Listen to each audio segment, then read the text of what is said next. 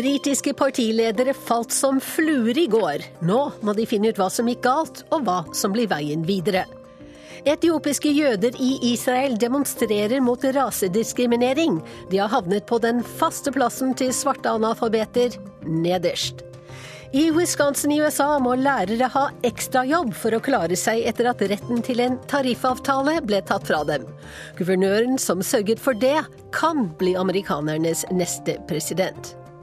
Verdens neste flyktningkrise kan komme i Burundi, der titusenvis flykter fra vold. Og vår Asia-korrespondent skriver om sterke inntrykk fra Nepal i ukens korrespondentbrev. Vel møtt til Urix på lørdag, jeg heter Wenche Eriksen. De sa det skulle bli det jevneste valget på en generasjon, men valgresultatet i Storbritannia ble i stedet et stort sjokk. David Camerons konservative parti fikk rent flertall i parlamentet, og han kan altså fortsette som statsminister. Andre partiledere falt som fluer i går. Hele tre stykker gikk av pga. Dårlige valgresultater. Og vår reporter Gry Blekassa Almås, hun var på sett og vis med på nedturen.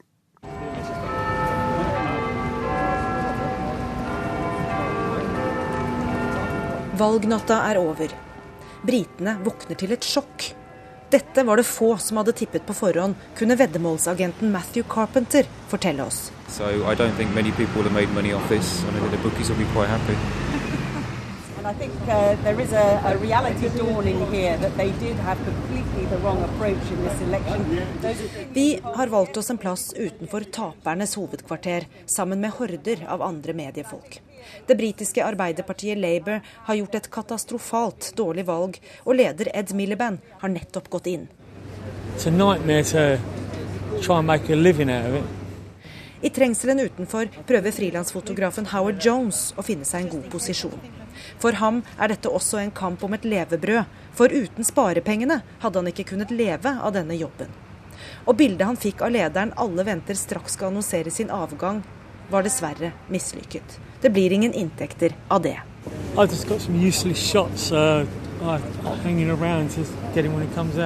Nå satser han alt på et blinkskudd når Milliband for siste gang forlater hovedkvarteret som leder.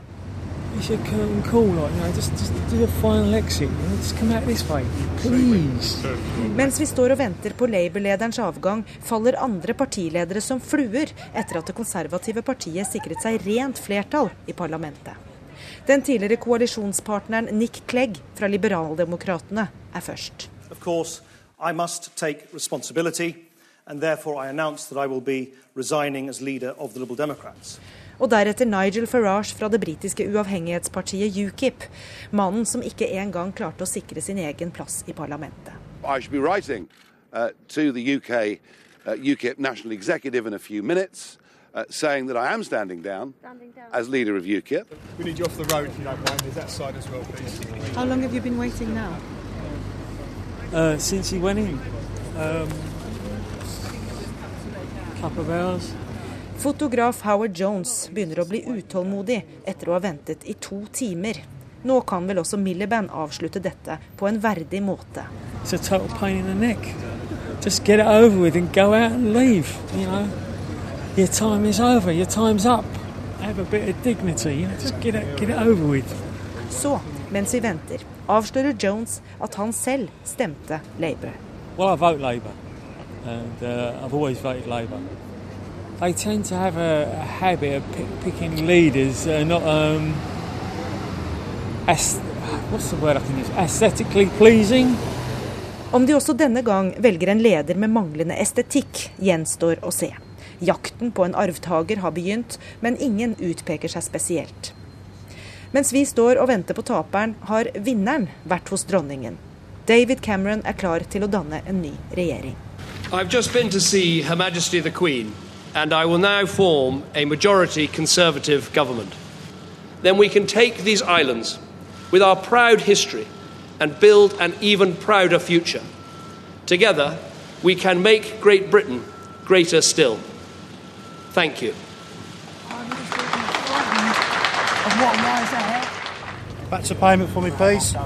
Tilbake ved Labours hovedkvarter er noe i ferd med å skje.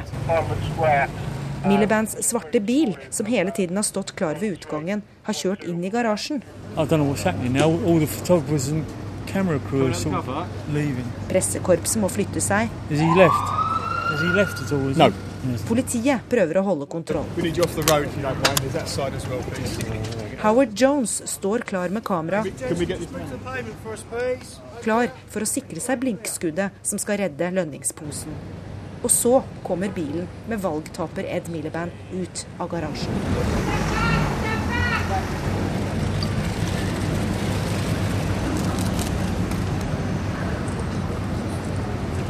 So, did you get your shot? No, it's waste of time. Absolute waste of time. Bortkastet tid. Alt frilansfotografen står igjen med etter en halv dags arbeid, er ett bilde av partilederen og hans kone i ufokus da de kom, og en bil med sotede vinduer når de for siste gang forlater Labour-partiets hovedkvarter som lederpar. Tilbake står en skuffet Howard Jones, men heldigvis er det varslet en demonstrasjon mot den nye regjeringen neste dag. Den skal han definitivt ha med seg. Og den eh, demonstrasjonen er altså senere i dag.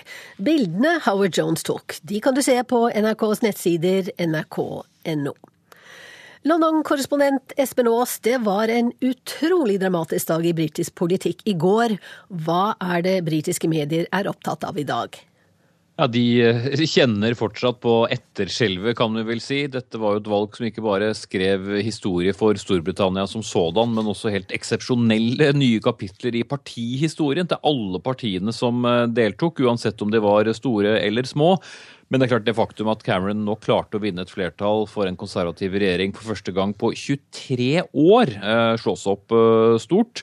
Men eh, som du var inne på i innledningen, vi hadde også tre partiledere som gikk av på under én time. En del ser også fremover, eller forsøker det. Vi hadde jo denne tsunamien av nasjonaliststemmer i nord som slo over hele Skottland. Og hvordan David Cameron og nasjonalistleder Nicholas Sturgeon skal finne en slags felles vei fremover, er det veldig mange som lurer på, men ingen som klarer å besvare.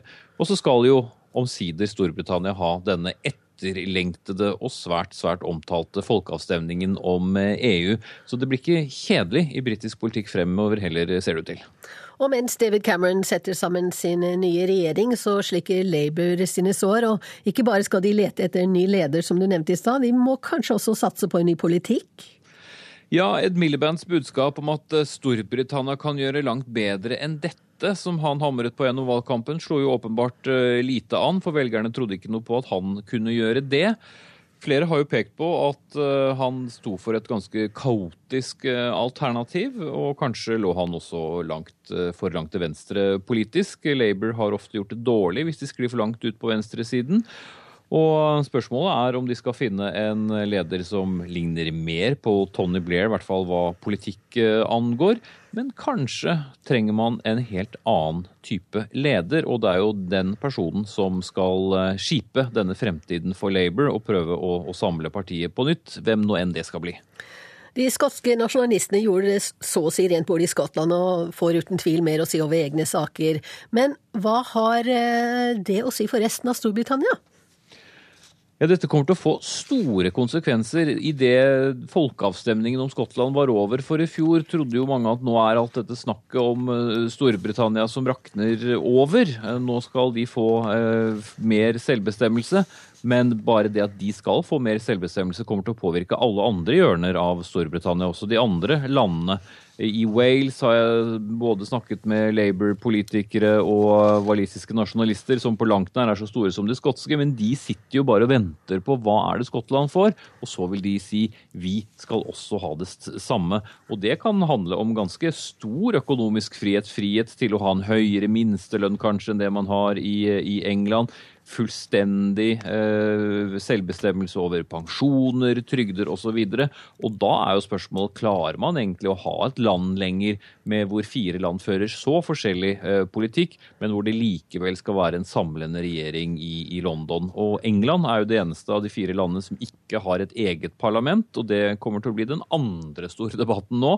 Mange i Camerons parti kommer til å presse på for at eh, engelske velgere skal også ha sine engelske folkevalgte folkevalgte, som er de eneste som bestemmer i eh, engelske saker. Og det skal jo bli litt av en symbolverdi den dagen David Cameron sender walisiske, nordirske og skotske folkevalgte ut på gangen, fordi at de engelske folkevalgte skal stemme over det som angår England, på en økonomi som egentlig skal eh, angå alle fire. Takk skal du ha, Espen Aas. Vi skal til Pakistan, der den norske ambassadøren Leif H. Larsen og de tre andre som døde i helikopterstyrten i går, nå er brakt ut av ulykkesområdet. Og reporter Iram Ansari i Islamabad, hva skjer der? Altså For rundt to timer siden ankom båren til den norske ambassadøren og de seks andre som døde i helikopterstyrten på den militære flyplassen i Islamabad. Det var soldater fra den pakistanske hæren som mottok denne kisten, som var dekorert med det norske flagget. Det hele virket nesten som en seremoni uh, i Islamabad. Mange av de pårørende og andre diplomater hadde møtt opp for å ta farvel med sine kjære og kolleger. For det var jo også flere noen av disse pilotene. Pakistanske pilotene var jo også blant eh, de som eh, ankom Islamabad i dag. Alle bårene er nå fraktet til militærsykehuset i byen Rawalpindi, som er i utkanten av Islamabad. Og selve eh, statsministeren har erklært nasjonal sørgedag til minne om ofrene. Og det flagges på halv stang på mange av de offentlige bygningene her nå. Kan du si ganske kort hvordan pakistanske medier omtaler helikopterstyrten?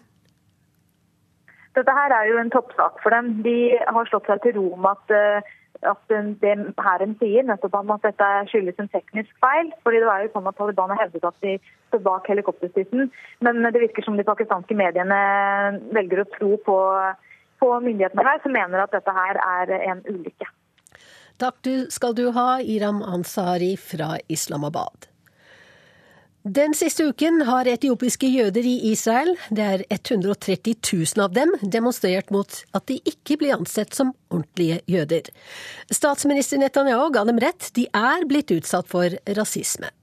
De svarte jødenes historie begynner allerede i Det gamle testamentets første kongebok, og Tom Christiansen har lett etter dem i Etiopia. Langt ute på den etiopiske landsbygda, fjernt fra andre enn falasha-jøder, synger han om sin drøm en gang å se Jerusalem. Men dit er det langt, og det går ingen vei. Først må han gå, så med bussen til Addis Abeba og deretter med fly, men det har han ikke råd til. Helt avsides, med eget språk, egen religion og egne tradisjoner, der bor falasjane. Ingen visste om dem, de var glemt i tusen år. Det jødiske verdenssamfunn visste at jøder hadde hatt makten der på 1200-tallet, men var de der fortsatt? Og hvordan i all verden havnet de der? Det fins flere forklaringer. Myte nummer én. De er etterkommere av israelittene. Noen må ha gått seg vill under utvandringen fra Egypt da Moses mistet oversikten. De endte opp i fjellene, og der har de blitt boende. Myte nummer to. Dronningen av Saba, som hersket i et kongerike omfattende dagens Jemen og Etiopia, dro til Jerusalem for å undersøke om kong Salomo var så vis som ryktet fortalte. Det var han. Alt står i første kongebok. Hun brakte ham kongelige gaver, herunder trolig henne selv, siden dronningen ble med barn. Sønnen Menelik ble konge av Aksum, som ligger i Etiopia. I voksen alder hadde han reist tilbake til Jerusalem, fått militær opplæring av sin far, som sendte ham hjem med 1000 soldater. Dagens etiopiske jøder stammer altså fra Meneliks menn, kanskje også fra hans foreldre, dronningen av Saba og kong Salomo. Myte nummer tre er den kjedeligste. De er helt alminnelige etiopere som en gang tok opp i seg de jødiske tradisjoner og den jødiske tro. Genetikkforskerne sier så. Men hvor fikk de i så fall alt det jødiske fra? De hadde iallfall makten for inntil 900 år siden. De kristne overtok, deretter kom muslimene. Så ble det kamp, og jødene trakk seg tilbake til fjellene. Der har de bodd i ytterste fattigdom. Så ble de oppdaget. En skotte som lette etter Nilens kilder, kunne fortelle om et underlig folkeferd som holdt sabbaten hellig, og som var omskåret, som hadde sinnrike matforskrifter og holdt jødiske helligdager. Ordene de brukte, ble undersøkt. Falasherne hadde hebraisklignende ord i sitt liturgiske språk.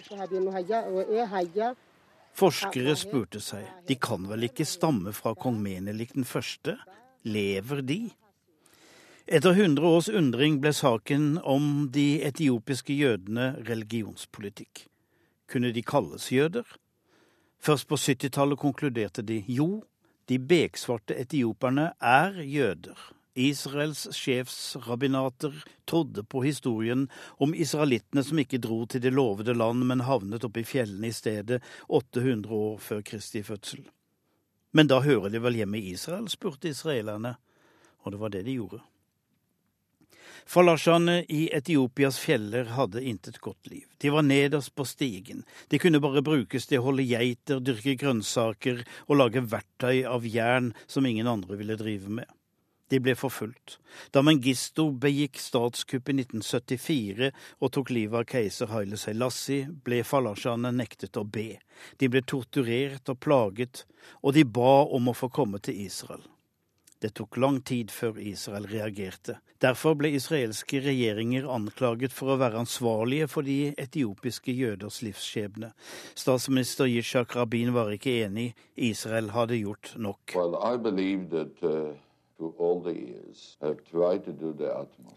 så kom tørken i katastrofeåret 1984. Bob Geldof samlet inn penger, og jødene rømte over grensa til Sudan. De holdt på å dø.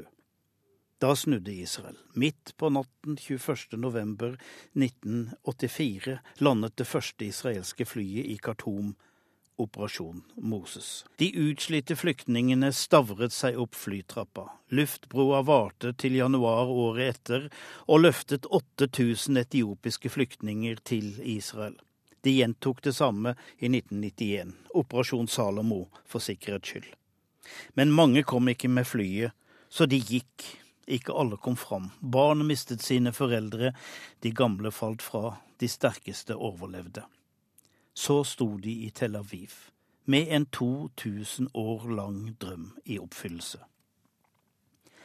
De var de fattigste i Etiopia. Nå ble falasjaene de fattigste i Israel. De kunne ikke lese, de var ikke vant til et selvstendig liv, de ante ikke hva de fant i butikken. Skulle det spises, var det såpe, doruller? Hvordan bruker man et toalett? Noen fikk jobb i landbruket. Melkemaskiner, er det mulig? Guttene hadde spilt fotball før, men aldri sett en ball sprette. Noen av dem lyktes, særlig Yichi Aina.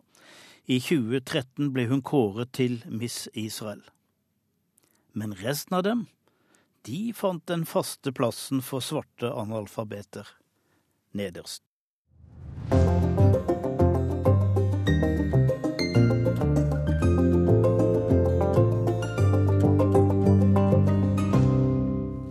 USA nå. I feltet av mulige republikanske presidentkandidater er det én som kan samle Tea Party-folk, kristne høyrevelgere og økonomisk konservative, og som nå gjør det svært bra på meningsmålingene. Guvernør Scott Walker ble berømt i hele USA da han gikk til krig mot fagforeningene til de offentlig ansatte. Fire år etter er Walker både høyt elsket og intenst forhatt i delstaten Wisconsin, Korrespondent Tove Bjørgaas har vært der. I have to have a second job. I teach two nights a week uh, in an alternative high school program, and I have to do that to pay the bills and to feed myself and my son and my daughter. Jeg må ha ekstrajobb for å ha nok penger til mat og regninger, forklarer Aisha Robertson. Hun har nettopp avsluttet dagens undervisning på den store videregående skolen i Madison, der hun er samfunnsfaglærer. To kvelder i uka løper alenemoren hjem for å lage middag, og så kommer hun tilbake hit for å undervise.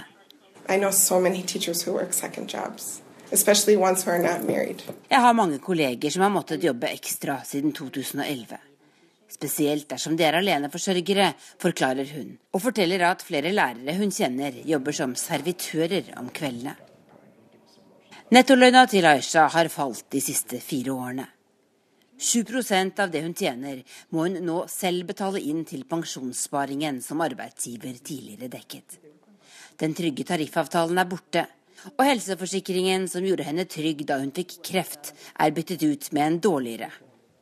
Framtida føles usikker. How do you feel about uh, Scott Walker?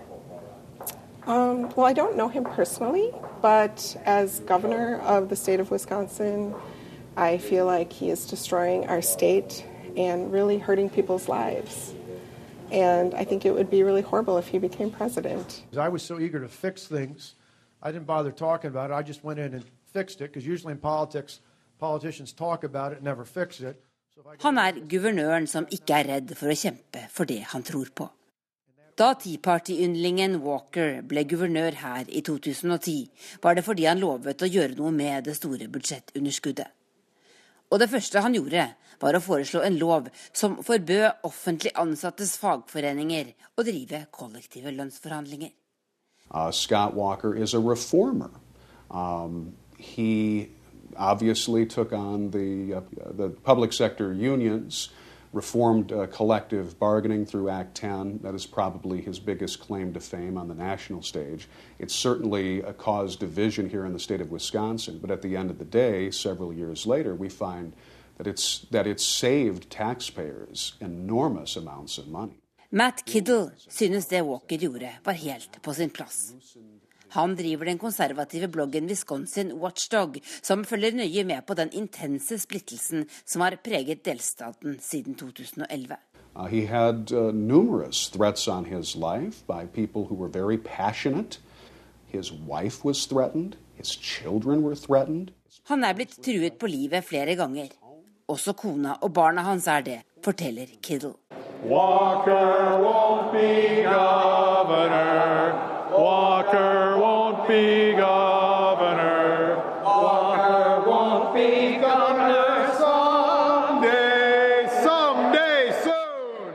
Kongressbygningen i Madison møtes demonstranter fortsatt hver eneste dag for å synge protestviser mot guvernøren sin.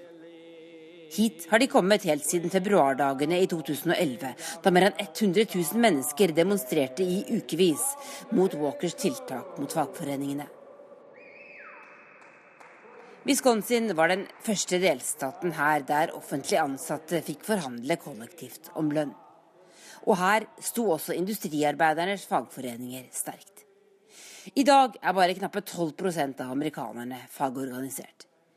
Flertallet av disse er offentlig ansatte, og de har fått beholde gode forsikrings- og pensjonsordninger på skattebetalernes regning, mens mange av de samme skattebetalerne har sakket akterut. Det er dette Scott Walker vil til livs. The um, police tried to arrest people because they didn't have a permit to do this. So there were Og til tross for opprøret mot ham og det historiske nyvalget motstandere hans fikk i stand i 2012, er Walker fortsatt guvernør. Han overlevde både nyvalget og ble gjenvalgt i fjor. He's really kind of a survivor. Oh, definitely. And his ability to win that recall. Recall elections are very rare in the United States for a governor. There have only been three governors in the entire country's history that faced a recall election. He's the only one to have won it. Journalist Patrick Marley har skrevet bok om den standhaftige guvernøren mange nå ønsker i Det hvite hus. This made the Republicans nationally see Walker, it sort of put him on a stage at a national level, and they understood um, that he was able to sort of face down his political opponents no matter what and still win. And so that sort of made him a folk hero. And uh, that's helped put him where he is in terms of the presidential race. I don't know. I love what I'm doing, but um, yeah, I've, I've definitely started to think about that. What else could I do?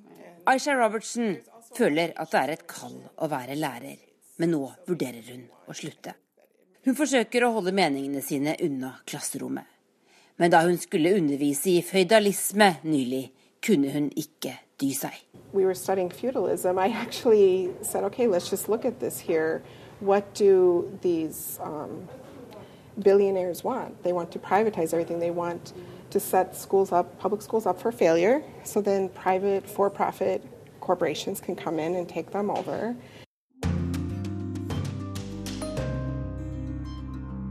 Du hører på Urix på lørdag i NRK P2. Klokka er 11.28 straks.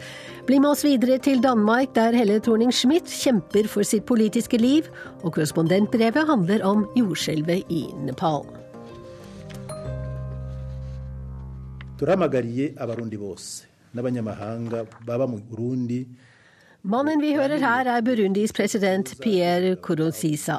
Han har kastet det lutfattige landet sitt ut i sin dypeste krise siden borgerkrigen tok slutt for ti år siden, ved å si at han stiller til valg for en tredje periode. Mange mener at det strider mot Grunnloven, og minst 17 mennesker er drept i uro, og 40 000 har flyktet til nabolandene etter presidentens kunngjøring. Øystein Rakkenes, du kjenner godt til Burundi og har nylig vært der i forbindelse med to dokumentarfilmer du lager. Burundi har en lang og vond historie med etnisk vold mellom huter og tutsier. Er det det vi ser nå? Nei, det er det vi ikke ser nå. Og det er jo det som er så interessant med det som skjer i Burundi eh, akkurat nå. Det er jo at eh, det er en politisk konflikt, dette. Og det eh, er jo veldig mye kring presidenten Koronsiza. Eh, jeg har latt meg imponere over det arbeidet som er gjort i Burundi på eh, forsoning mellom hutu og tutsi. Og alle toneangivende folk jeg snakka med på mange nivå i Burundi nå, i april senest, de sa det at nei, dette er politikk det handler om, det handler ikke om etnisitet. UD har denne uken eh, sagt at nordmenn ikke bør reise til Burundi. Hvor farlig vil du si at den siste utviklingen er? Jo, den er ganske farlig. Fordi at eh, det sittende partiet, CNDD-FTD, de har da en ungdomsving som er bevæpna. Eh, det er da mellom fem og Opptil 100 000 har det blitt sagt, unge menn som er bevæpna av det sittende partiet. De utgjør da en uformell, men sterk maktfaktor. De er da delvis blitt blanda inn med politiet. De har fått vanlig politiuniform. Og det blir påstått da i Burundi nå at de som har blitt skutt, de av demonstrantene som har blitt skutt og drepne, de har blitt gjort det da av de som blir kalla for innvånere av Og senest i går kveld så ble en bydel i Bujumbura omringa av politifolk og innvånere av koret. Det ble satt opp sperringer, og det ble henta ut folk som da ble arrestert en masse. Hvor de da blir plassert, hvor de blir ført hen, det vet en ikke. Har ikke Pierre Coronzisa vært en ganske populær president til nå? Ikke bare i Burundi, men internasjonalt også? Veldig lenge var han populær, og han er vel en av de afrikanske presidentene som har fått flest internasjonale priser for eh, godt styresett, fordi at han har klart å holde en relativt fred i landet over mange år. Men uansett hva en måtte tenke om presidenten, så er det dårlig politisk håndverk det han har utført, spesielt det siste året. For spekulasjonene om hvorvidt han ville stille til en tredje periode, det har gått eh, intenst i over et år. Det har jo igjen stengt for alle typer vanlig politisk diskusjon. Slik at når en nå skal ha et valg i Burundi, så vet en jo ikke eh, hva mener han om den enorme arbeidsløsa i landet. Hva mener han om en manglende infrastruktur? Hva mener han om et skole- og universitetssystem som ikke fungerer helt? Osv. Ved å trumfe gjennom at han skal sitte en tredje periode, så har han jo da brakt sitt eget land på randa til en mulig ny krig. Og så knebler han opposisjonen, eh, sier motstanderne hans. Ja, og det har han drevet systematisk med i over et år. Eh, Folk fra sivilsamfunnet også blir eh, arrestert. Folk blir forfulgt. Enhver, selv om han eller hun ikke er politiker, men kan antas å si noe negativt om Koronsisa eller regjeringa, de blir forfulgt og arrestert.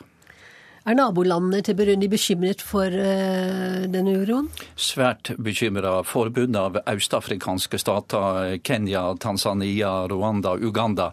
Statslederne der har jo alle rådene til å ikke stille for et tredje mandat, men så langt har han ikke latt seg eh, styre.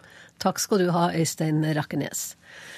Vi skal eh, så vidt tilbake til det britiske valget, men bare for å nevne at danskenes statsminister Helle Thorning-Schmidt var til stede i Wales da mannen hennes Stephen Kinnock vant et sete i parlamentet for partiet Labour.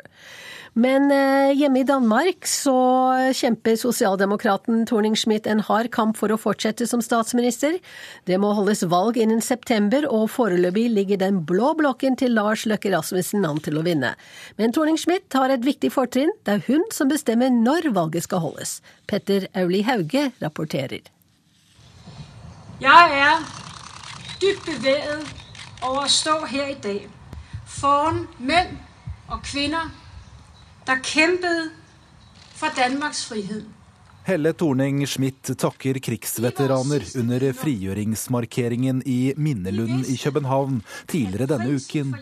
En oppgave som hvert år faller på landets statsminister. Nå kan Helle Thorning-Schmidt ha talt her for siste gang. Danmarks statsminister sitter på oppsigelse, eller i hvert fall på nåde. For innen september skal folket få avgjøre om hun får fortsette.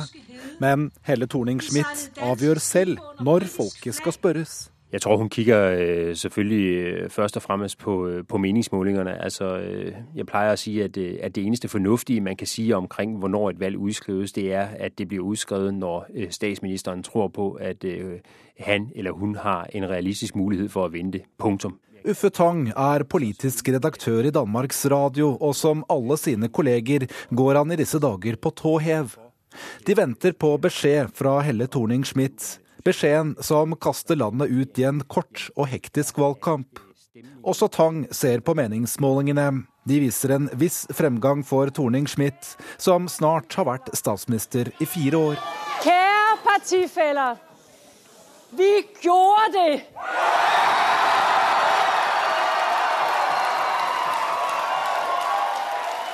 Det tok henne seks år å bli statsminister. Først i 2011 nådde Torning, som hun kalles i Danmark, toppen i politikken.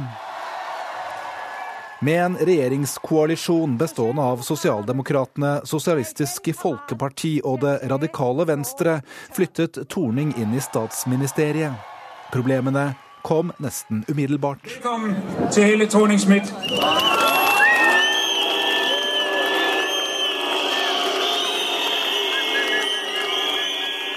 Pipekonserten under 1. mai-arrangementet i Århus i 2013 var øredøvende.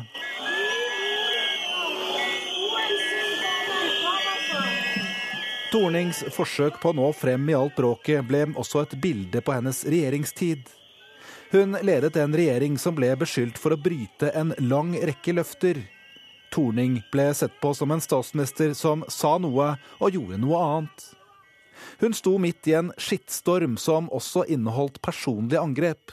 På et tidspunkt måtte Danmarks statsminister gå offentlig ut og avkrefte at hennes mann var homofil. Jeg har vært ked av det. Øh, Riktig ked av det når det er gått ut over min familie. Særlig mine barn har vært riktig ked av det. Og, øh, Hva gjør du så? så har vi samlet oss som familie og øh, talt om tingene, og måske også få, få grint litt av det hvis det er noe man kan finne der er sjovt i en situasjon. Og så kommet videre. Altså, så tar man bare et skridt foran det andet og kommer videre. Kære danskere. Jeg har vært statsminister siden 2011.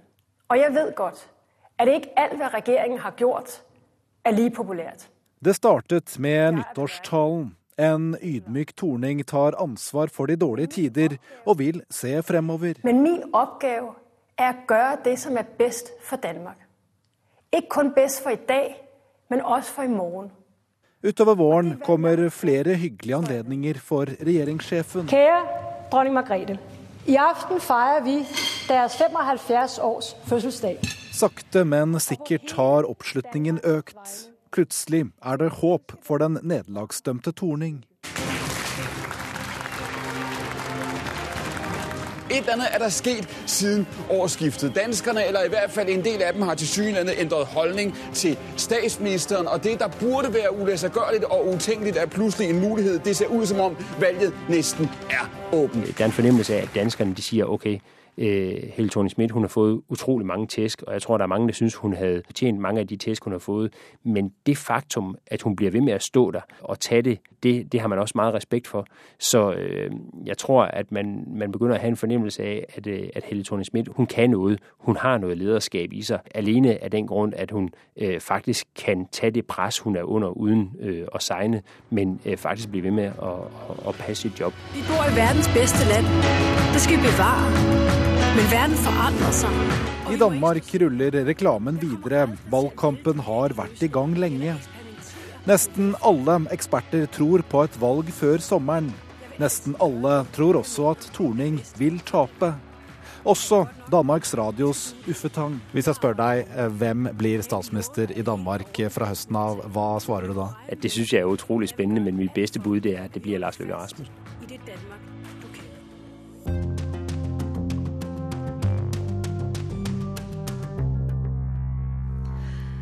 Denne vinteren har eh, mange millioner mennesker lekt privatetterforsker og latt seg sjokkere av gamle amerikanske drapssaker. En ny bølge av såkalte true crime-dokumentarer har satt det amerikanske rettssystemet på prøve, og fått mange amerikanere til å få øynene opp for hvor urettferdig og lite effektivt systemet kan være. This is a Global Tel-Link prepaid call from Adnan Sayed. an inmate at a Maryland Correctional Facility. I fjor høst fikk denne lyden mange millioner radio- og podkastlyttere til å stoppe opp. Hver uke kom en ny episode om en 15 år gammel drapssak i USA. Og hver uke ble en ny puslespillbrikke i saken mot den da 17 år gamle Anan Sayed forsøkt lagt på plass av skaperne bak tidenes mest populære podkast, Serial. Historien handler om drapet på Hein Min Lee i 1999, som førte til at hennes da 17 år gamle amerikansk-pakistanske ekskjæreste ble dømt for drapet og fengslet på livstid. Serien har blitt lastet ned over 80 millioner ganger i alle land i hele verden, bortsett fra Eritrea og Nord-Korea. True crime blir dette kalt, der virkelighetens krimsaker kommer inn i stua til folk, og der journalistene og publikum er detektivene i sakene som politiet enten har gitt opp, eller der det er usikkerhet om riktig person er dømt. Hi, I'm Mala. Dana, nice to meet you. Hi, I'm Christine. Nice to meet you. Dette er Dana Chivis. Hun står bak og produserte serien. Denne uken var hun i Bergen for å snakke om erfaringene og den totalt uventede populariteten til serien. Og hun forteller om et ønske om å gjøre podkasten så lik TV som mulig. Uh, we really designed the show sort of around uh, with, with TV shows in mind, and, and, and picked a couple of the elements uh, that we put into the podcast. We picked directly from TV shows, so like Noe av suksessen bak seriens popularitet er at dette er ekte og relevant, uten at det er noe nytt i seg selv. Men så kom dette.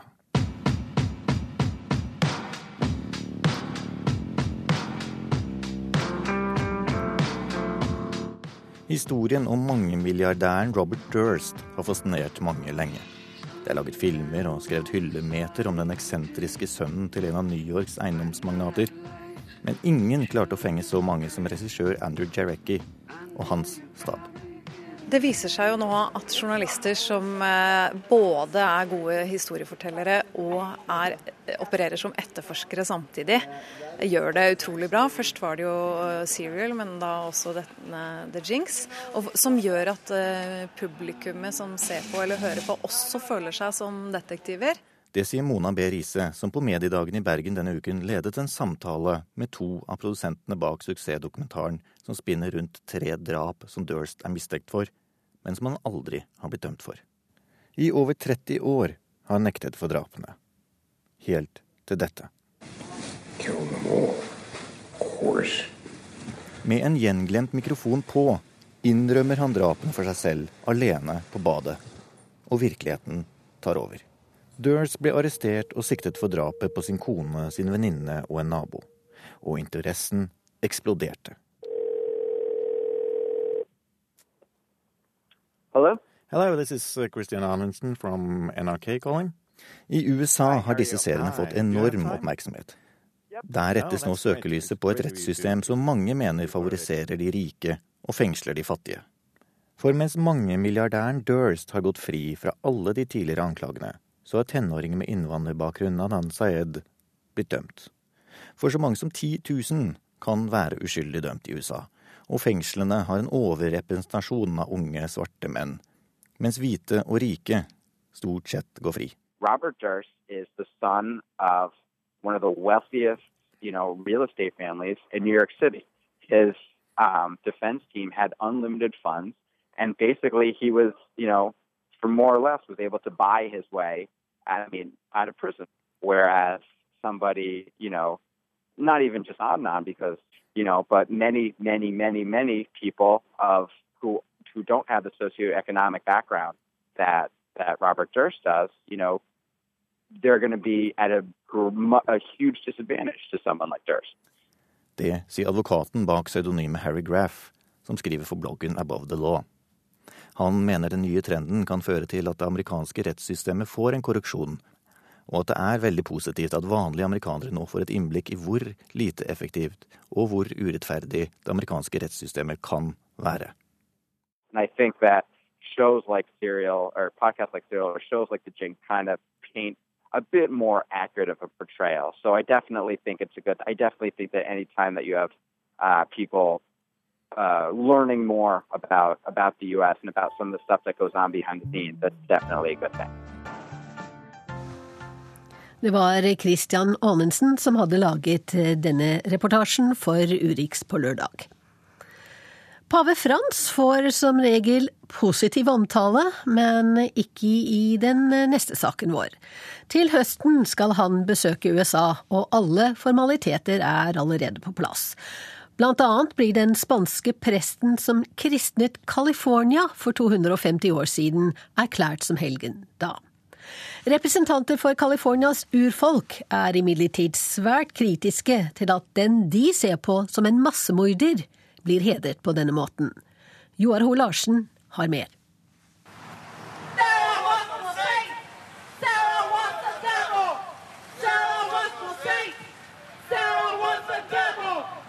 Tidligere i år demonstrerte motstandere av helligkåringen i California. Men som vi nå vet forgjeves. Det endrer imidlertid ikke de californiske indianernes grunnsyn. Dette er en skandale. Junipero Serra, som for om lag 250 år siden ledet misjoneringsdelen av det spanske fremstøtet mot dette ukjente nord på den amerikanske vestkysten, var med på å bygge de velkjente Missions, 21 i tallet. I dag en attraksjon som forteller historien om delstatens fortid og tilblivelse, ifølge turistmyndighetene. Nei, sier urfolket.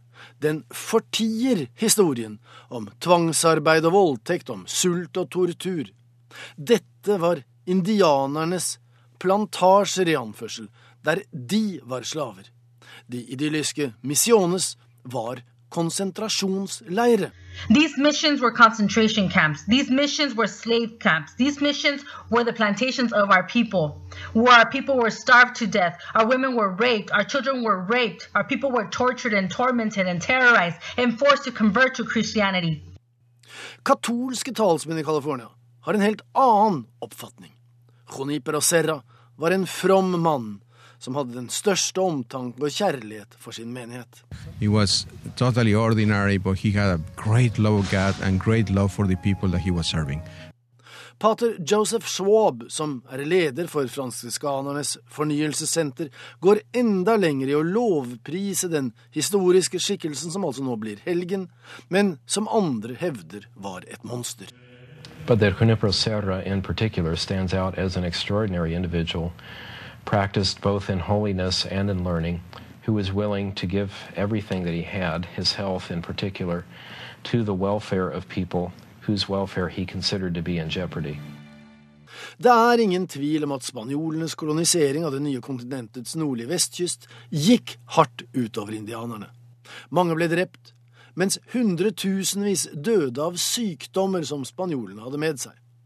Gjennom tvangsomvendelser og nye obligatoriske leveregler ble den opprinnelige indianerkulturen ødelagt. Ifølge professor Robert Senkowitz i Santa Barbara var det en viss strid om målet med ekspedisjonen den gang for 250 år siden. It's an expedition which is supposed to plant the Spanish flag and the Christian cross in Alta or New California. Men det er ingen tvil, Serra var med som en av lederne. Og de som kjemper mot at han blir helgenerklært, er ikke villige til å se ham som et produkt av sin tid. Hitler var også det, sier demonstrantene i Los Angeles. Well, Adolf Hitler. Adolf Hitler. For demonstrantene er det ikke noe nytt at deres bødler og banemenn blir helter og helgener. Det har skjedd før. Indianerne ble ikke hørt denne gangen heller. Men de har fått sagt ifra.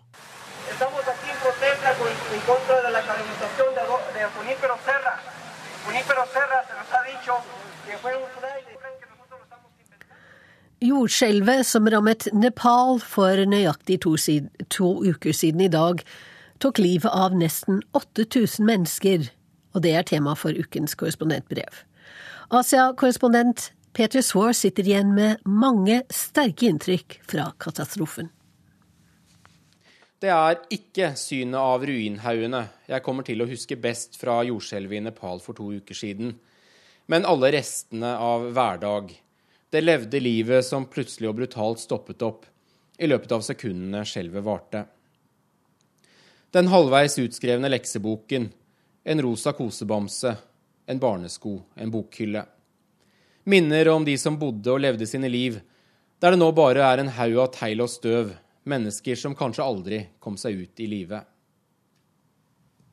Jeg så hele leiligheter skåret i to av jordskjelvets krefter med perfekte, rene snitt. Jeg så stuer der TV-en fortsatt sto i hjørnet, bilder som hang på veggen, mens rommet gapte mot omgivelsene gjennom en vegg som manglet, og hvor regnet nå blåste rett inn i det som nettopp hadde vært noens hjem. Og så var det denne uroen, frykten, som jeg selv også fikk kjenne på. Den gjorde ingen forskjell på folk, den var rettferdig sånn. Å gå inn i et hus eller en bygning i en by et døgn etter et stort jordskjelv gjør at du kjenner på frykten. Instinktivt gjør du så godt du kan for å holde deg bare noen skritt unna utgangsdøren. Og aller helst vil du selvfølgelig ikke være inne i det hele tatt. Du vil helst stå ute på en åpen plass og være trygg. Men det går jo ikke for noen i lengden. Det var også denne redselen som i hvert fall de første dagene var mange av de overlevendes største fiende. For Katmandu var langt fra noen plankehaug, slik TV-bildene kanskje ga inntrykk av.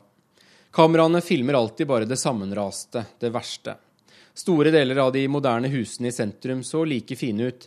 Kjøpesentre, hus og butikker sto, selv om mange gamle og dårlig bygde murhus nå lå i ruiner.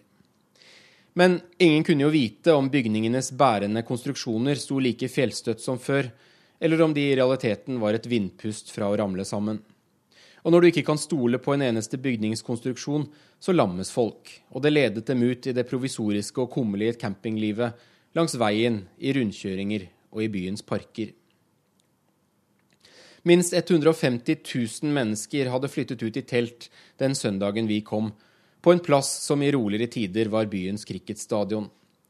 Sanitærforholdene hadde i løpet av ganske kort tid rukket å bli stinkende forferdelige, og tilgangen til noe så nødvendig som rent vann var i de første dagene nesten ikke-eksisterende.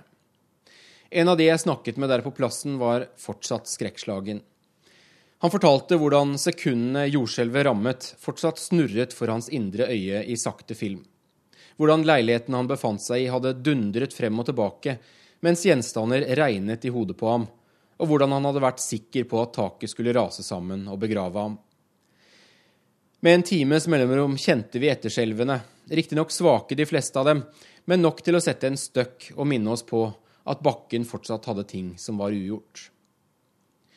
Det kraftigste etterskjelvet kom søndag ettermiddag, bare noen minutter etter at vi hadde landet på Tribuvan International, Katmandus lille og svært enkle flyplass, som etter hvert også ble en kraftig flaskehals for hele hjelpeinnsatsen. Flyet vårt fra Silk Air sto fortsatt på rullebanen da hele flykroppen begynte å gynge kraftig fra side til side. Ut av flyvinduet kunne jeg se hvordan grønnkledde soldater der ute ved hangarene la seg ned på bakken, mens naturkreftene herjet med bygninger og militærhelikoptre. Alt svaiet, og det varte i kanskje 15-20 sekunder. Så var det over. Et jordskjelv rister egentlig ikke. Det er mer en sidelengs bevegelse. Det er som en voldsom, ustoppelig hånd som plutselig tar tak i deg, og du kjenner hvordan bakken under deg ubønnhørlig rykker frem og tilbake, frem og tilbake, mens hus og mennesker blir som små legoklosser som ikke har noe som helst å stille opp med. Dette første skjelvet vi opplevde mens vi satt der i flyet, målte 6,7 på Richter-skala. En kraft mer enn stor nok til å legge hus i ruiner helt på egen hånd. Noe også flygelederen i tårnet visste utmerket godt. De hadde latt flytrafikk være flytrafikk og løpt for livet. Dermed ble flyet vårt stående i flere timer på det som nå var en stengt og forlatt flyplass, mens tårn og terminalbygg var tømt for folk, og ingen svarte på kapteinens radioanrop. Flyvertinnene gjorde så godt de kunne og gikk rundt med vannglass og peanøtter. Men da en av dem til slutt spurte om noen av oss hadde et telefonnummer til flyplassen, forsto vi at dette kom til å ta tid. Det skulle komme mange flere etterskjelv, og mange av dem førte til at flyplassen ble stengt, og at flyene med nødhjelp i timevis ble hindret fra å lande. Men det gikk ikke spesielt bra med den nødhjelpen som kom ned på bakken heller. Store deler av hjelpesendingene ble de første avgjørende dagene rett og slett stående der på asfalten på Tribuvan International. For en eller annen i det nepalske tollvesenet hadde kommet på at teppene og presenningene og teltene og vannflaskene og medisinene, alt dette livsnødvendige, det måtte jo tolldeklareres, og det var en omstendelig og skjematung prosess som det tydeligvis ikke var mulig å finne noen unntak fra. Det var en skjebnesvanger beslutning tatt av noen et sted, mens deres landsmenn sov under åpen himmel rett ved rullebanen og manglet det mest livsnødvendige. Bare noen få mil utenfor Katmandu tre dager etter skjelvet kom vi over en hel landsby som lå i ruiner. Hit hadde ingen hjelp kommet, og innbyggerne her hadde heller ikke særlig forhåpninger om at den ville komme. Myndighetene ville nok hjulpet oss om de kunne, men jeg forstår deres begrensning, sa juristen Rakesh Siresta rolig, mens han viste meg mursteinshaugen som en gang var hjemmet hans i landsbyen Sikaritar. Han hadde mistet alt han eide. Flere familiemedlemmer var døde. Og mens vårt kamera filmet, plukket han ut et par bøker fra ruinene han tenkte han kanskje kunne spare på. Men han var ikke sint, og han felte ingen tårer. Vi må klare oss gjennom dette, sa han rolig. De andre landsbyboerne hadde satt opp en gul presenning på et jorde, og der fikk nå både geiter og kuer og folk litt ly for det verste regnet. De tok katastrofen som hadde rammet, med en ro som var nesten vanskelig å fatte, og de stilte opp for hverandre så godt de kunne, mens liten annen hjelp var i sikte. Andre var langt fra så rolige, noe bl.a. resepsjonistene på Katmandus bedre hoteller fikk merke. Jeg vil gjerne ha et rom, sa mannen ved siden av meg da jeg kom til resepsjonen på Yakoyeti-hotellet i sentrum av Katmandu. Han hadde små, dype skrubbsår på hendene og i hele ansiktet. Leppene var tynne og hvite av solbrenthet og utmattelse, men han virket likevel å være i uforskammet god form til sin alder, et stykke opp i 60-årene. Jeg ble reddet ned fra basecamp med helikopter i morges. Jeg har ikke pass, ikke kredittkort og ingen penger. Jeg har de klærne jeg står og går i her, det er alt. Min kone kan ordne med betalingen. Jeg har ikke sovet eller spist på to dager. Vil du nå gi meg et rom, eller skal jeg kanskje stille meg utenfor hotell Yakoyeti og tigge? spurte fjellklatreren fra Australia.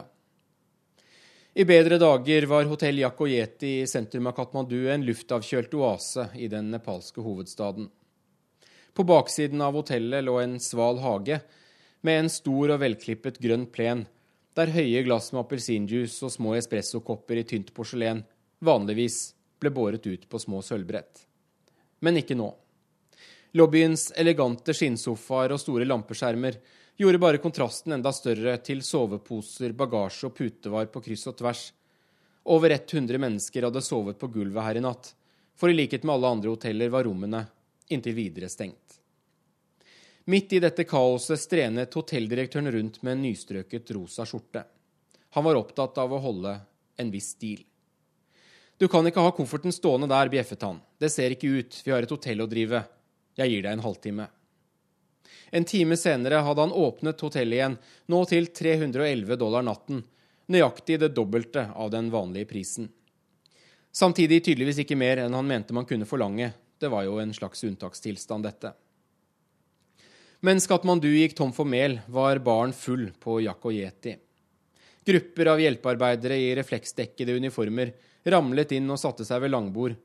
Og det var ikke bare et pent syn å se hvordan folk som hadde kommet for å hjelpe, brukte sine første timer i Katmandu på å bestille hamburgere og drikke øl på en av byens bedre hoteller.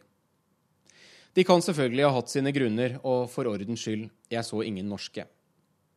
Men jeg forsto i hvert fall kritikken fra dem som klaget over små bistandsorganisasjoner som bega seg ubedt inn til jordskjelvet, som la beslag på landingstillatelser uten særlig mål og mening.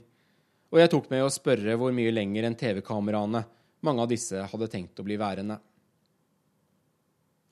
For jordskjelvet la ikke bare hus i ruiner, men skrubbet også bort mye menneskelig fasade. Noen ble mest opptatt av å hjelpe, andre av å tjene en ekstra slant. For slik er det når katastrofen rister vårt sanne ansikt frem i lyset. Før vi avslutter Urix på lørdag, skal vi ta med at Russland feirer 70-årsdagen for seieren over Nazi-Tyskland med en storstilt militærparade i Moskva i dag. I sin tale takket president Vladimir Putin det britiske, franske og amerikanske folket for deres bidrag til seieren, til tross for at vestlige, eh, vestlige politiske ledere boikottet markeringen pga. annekteringen av Krimhalvøya. 27 millioner sovjetborgere døde under annen verdenskrig. Og med det var det slutt på Urix på lørdag her i P2, men Urix er tilbake på TV på NRK2 mandag klokka 22.30. Teknisk ansvarlig Lars Donsmoen, skript Lars Christian Rød, i studio Wenche Eriksen. Takk for nå.